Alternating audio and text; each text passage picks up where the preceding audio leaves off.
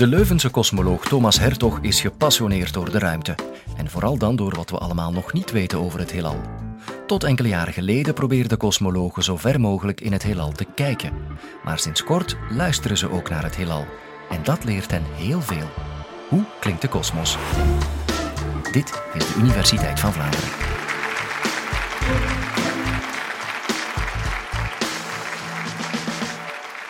Anderhalf miljard jaar geleden, diep in het heelal, zijn er twee zwarte gaten verstrengeld raakt.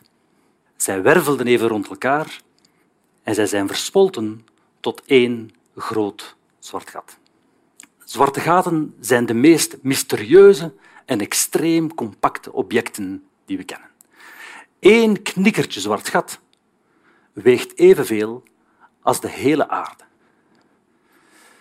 Ze hebben een onweerstaanbare aantrekkingskracht. Het zijn kosmische stofzuigers die zelfs het licht opzuigen. Maar bij de versmelting van die twee zwarte gaten, anderhalf miljard jaar geleden, die ging gepaard met een enorme explosie, de meest krachtige explosie die we kennen, waarbij er meer energie vrijkwam dan wat alle sterren in alle sterrenstelsels in ons hele heelal samen genereren. Maar die energie kwam niet vrij in de vorm van licht. Het waren tenslotte zwarte gaten. Nee, die energie is rechtstreeks in het weefsel van de ruimte gepompt, waardoor het ruimteweefsel begon te rimpelen in de omgeving van die zwarte gaten. Die rimpelingen hebben zich verspreid als golven dwars doorheen sterren, dwars doorheen planeten en brachten zo het nieuws van die kosmische explosie tot in de verste uithoeken van het heelal. Op 14 september 2015, iets voor de middag, passeerden die golven onze planeet, de aarde. Die golven waren uiteraard verzwakt na zo'n lange reis door de kosmos.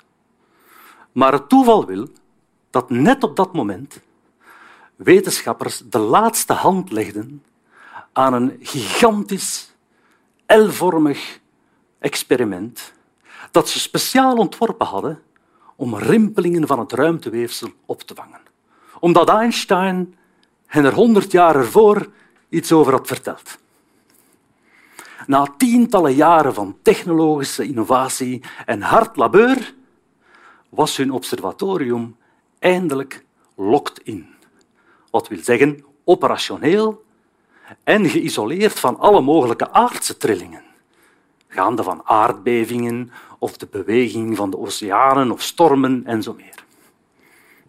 En jawel, de meetopstelling ontdekte wel degelijk de zwakke echo van die fusie van die twee zwarte gaten anderhalf miljard jaar geleden.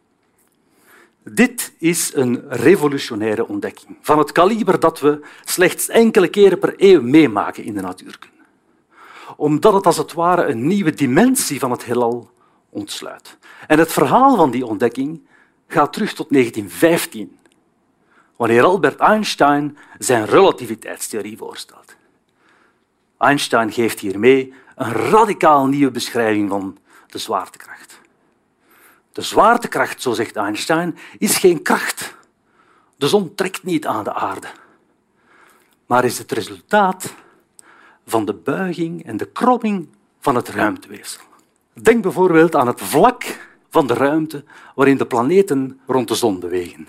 Volgens Einsteins relativiteitstheorie creëren de massa's van de zon en de planeten valleien in dit vlak, waardoor de planeten als vanzelf rond de zon bewegen, als kogels in een reusachtig roulettewiel. En zwarte gaten ontstaan dan, volgens Einsteins theorie, als je heel veel massa samenperst in een klein gebied. Dan wordt die vallei zo diep dat al wat in de buurt komt niet meer kan ontsnappen. Zwarte gaten zijn eigenlijk enorme, mysterieuze vergeetputten van het heelal. Einstein ontroonde met zijn relativiteitstheorie Newton als de grote man van de zwaartekracht. Newton had ons weliswaar in de 17e eeuw een formule gegeven voor de sterkte van de zwaartekracht, Maar hij had er ons niet bij verteld hoe dat die kracht werkte. Einsteins antwoord luidde dat de zon en de aarde en al de rest in het heelal met elkaar communiceren via het ruimteweefsel, via de structuur van het ruimteweefsel. Einstein kneedde de ruimte tot iets fysisch, iets dynamisch, zoals het oppervlak van een trampoline. Nu, als de ruimte kan vervormen, dan kan zij ook rimpelen, dan kan zij ook trillen. En inderdaad, een jaartje later, in 1916, voorspelt Einstein op basis van de wiskunde van zijn eigen gloednieuwe relativiteitstheorie dat massa's in beweging rimpelingen van het ruimteweefsel veroorzaken, wat hij gravitatiegolven noemt. Denk bijvoorbeeld aan twee sterren of twee zwarte gaten die heel snel rond elkaar draaien. De vervorming van het ruimteweefsel zal zich voortdurend moeten aanpassen. En dat genereert een stroom, een continue stroom van rimpelingen die zich verspreiden als golven op een meer. En wat gebeurt er als je je in het kosmische kielzog bevindt van zo'n golven? Wel, volgens Einsteins theorie zullen die golven nu stretchen en samendrukken. Maar dat was serieus overdreven. En dat maakt een groot verschil. In werkelijkheid zijn die gravitatiegolven onvoorstelbaar klein. Een uit de kluiten gewassen bundel gravitatiegolven uit de kosmos stretcht de aarde met amper de diameter van één enkel atoom. Je hebt dus enorme bewegende massa's nodig om dat ruimteweefsel maar een heel klein beetje aan het trillen te brengen. Daarom was Einstein er overigens van overtuigd dat we die zwaartekrachtgolven, dat we die gravitatiegolven nooit zouden kunnen waarnemen. In 1936 komt hij zelfs even terug op zijn eigen voorspelling en verklaart hij dat die gravitatiegolven misschien toch niet bestaan. Hoe heeft men dan uiteindelijk toch in 2015 die minuscule gravitatiegolven kunnen meten? Wel, dat is de straffe prestatie van het team van wetenschappers achter die gigantische L-vormige laserdetector. LIGO heet die. Niet Lego, maar LIGO. Laser Interferometer Gravitational Wave Observatorium. Er zijn er eigenlijk twee. Eentje in Louisiana, in de Verenigde Staten, en een ander in de staat Washington aan de westkust. LIGO is een geesteskind van professor Ray Weiss van het MIT, die reeds in 1972 het ontwerp ervan schetste en die er vorig jaar de Nobelprijs voor kreeg. Ray Weiss staat bekend in ons domein als een ongelooflijke dromer. Niemand hield destijds voor mogelijk dat hij ooit zou slagen in zijn opzet. Maar zijn geniale inval in 1972 was om als het ware een val te zetten voor die ongrijpbare gravitatiegolven. En we hebben hier een klein LIGO-modelletje staan, waarmee we dat even kunnen illustreren. Kijk, we hebben hier een laser en die laser zendt een lichtbundel uit. En die lichtbundel wordt door die kubus in twee gesplitst.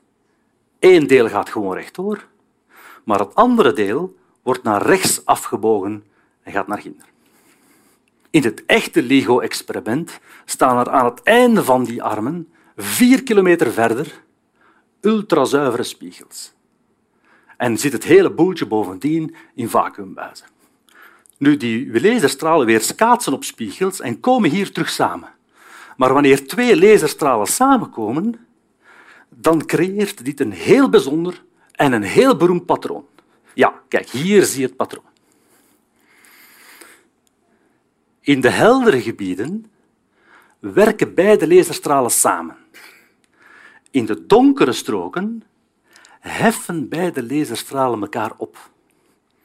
Kijk, als ik één laserstraal verwijder, uitdoe, dan verdwijnt het patroon en nu zien we het weer. Dit patroon is absoluut het sleutelelement van LIGO. Het is namelijk enorm gevoelig aan de afstand die beide laserstralen afleggen. Als er nu een gravitatiegolf doorheen de aarde passeert, dan gaat die de ruimte in de ene richting wat uittrekken en in de andere richting wat samendrukken. Die afstanden zullen veranderen, waardoor dat patroon lichtjes zal wijzigen. Zo meet je een gravitatiegolf. Nu, we kunnen dit hier niet illustreren met echte gravitatiegolven, maar we kunnen wel een klein experimentje doen met geluidsgolven. Komt u er maar even bij staan. En wat is uw naam? Sidra. Fantastisch. Sidra. Roep maar even in die laserstralen en kijkt u goed naar hoe het patroon verandert. Salam! Ziet u?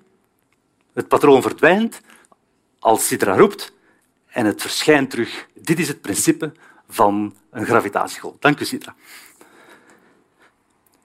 Nu, LIGO vangt gravitatiegolven op met frequenties rond de 100 hertz, die dus overeenkomen met frequenties die hoorbaar zijn voor het menselijk oor. We kunnen daarom eigenlijk vrij eenvoudig echte gravitatiegolven vertalen naar geluidsgolven en zo als het ware luisteren naar het heelal. En dit is hoe op 14 september 2015 het allereerste deuntje uit de kosmos dat we hoorden klonk. Luister goed. Dit is vanuit wetenschappelijk oogpunt een spectaculair goed nummer. Je vindt het niet op Spotify, maar het zal de geschiedenisboeken ingaan, samen met andere beroemde wetenschappelijke tunes, zoals de eerste signalen van de Sputnik uit de ruimte, of het eerste telefoontje van meneer Bell in de 19e eeuw enzovoort. Maar waarom is dit nu zo'n goed nummer? De wiskunde van de relativiteitstheorie laat ons toe om te interpreteren wat we net hoorden. En zo komen we iets te weten over het diepe heelal, wat we anders nooit zouden kunnen zien. Want er is niks te zien. Het zijn zwarte gaten. En voor een geoefend luisteraar met een beetje wiskundige bagage was dit deuntje het verhaal van de laatste seconde uit het leven van een koppel zwarte gaten. En we horen dat zij allebei ongeveer zo groot waren als België. Eén met een massa van 29 zonnen en één met een massa van 36 zonnen. En we horen ook dat zij aan het einde van de rit wel 100 keer per seconde rond elkaar draaiden, tot ze versmolten en het plots stil werd. Dat nieuwe zwarte gat wobbelde nog een beetje na, al was dat niet echt goed te horen. Maar daardoor weten we dat het nieuwe zwarte gat een massa heeft van 62 zonnen. Maar wacht even. 29 plus 36 is 65. Waar is dat verschil van drie zonsmassa's plots naartoe? Dat zit in die gravitatiegolven, in die rimpelingen van het ruimteweefsel. De versmelting van die twee zwarte gaten, anderhalf miljard jaar geleden, heeft een massa van drie zonnen omgezet in rimpelingen van het, van het ruimteweefsel. We hebben er sindsdien vier van zo'n deuntjes gehoord. Maar ik heb er voor u nog eentje meegebracht. Iets dat we nog niet gehoord hebben, maar dat we al op basis van de relativiteitstheorie kunnen simuleren. En nu horen we het signaal van een ster, zoals onze zon, die rond een reusachtig zwart gat draait en opgeslokt wordt. Luister goed.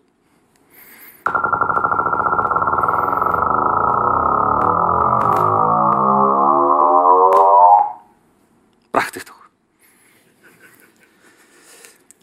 Een heel ander verhaal, je hebt het gehoord. Dat reusachtige zwarte gat heeft een massa van miljoenen keren de massa van de zon, net zoals het zwart gat in het centrum van onze Melkweg. Nu, wat is nu het blijvende belang van de ontdekking van gravitatiegolven? Dat heeft alles te maken met het feit dat die ontdekking een nieuw tijdperk in de astronomie opent. Gravitatiegolven zijn de toekomst voor de exploratie van de kosmos. Kijk, sinds het ontstaan van de mensheid is alles wat we weten over het heelal tot ons gekomen door wat we hebben gezien, via lichtgolven. Zichtbaar licht voor de eerste telescopen waarmee Galilei aan de slag ging, UV-stralen voor de Hubble-telescoop enzovoort. Maar 95 procent van het heelal, van alle stof in het heelal, is donker en onzichtbaar. Gravitatiegolven geven ons toegang tot een stevig deel van die 95 andere procent. Zij laten ons toe om door te dringen in gebieden van het heelal die geen licht uitstralen, zoals de omgeving van zwarte gaten, of die ondoordringbaar zijn voor lichtgolven, zoals de hete oerknal of de kern van sterrenstelsels. Vandaag horen we enkel de allerluidste noten. We hebben er vier gehoord. Maar met de tijd zal de verandering van toonhoogte en het ritme en het volume van gravitatiegolven die doorheen de aarde passeren, ons het hele verhaal vertellen van die donkere, onzichtbare kant van ons heelal. En misschien klinkt de kosmos niet zoals we nu vermoeden. Of heeft Einstein het toch niet helemaal bij het rechte eind met zijn relativiteitstheorie? Dat zijn vragen voor de toekomst. Interessant. Aarzel dan niet om dit ook aan de rest van de wereld te vertellen en erover te tweeten of de podcast te sharen. Of natuurlijk gewoon in levende lijven aan je buurt te vertellen dat die podcast van de Universiteit van Vlaanderen de moeite is. Bedankt daarvoor.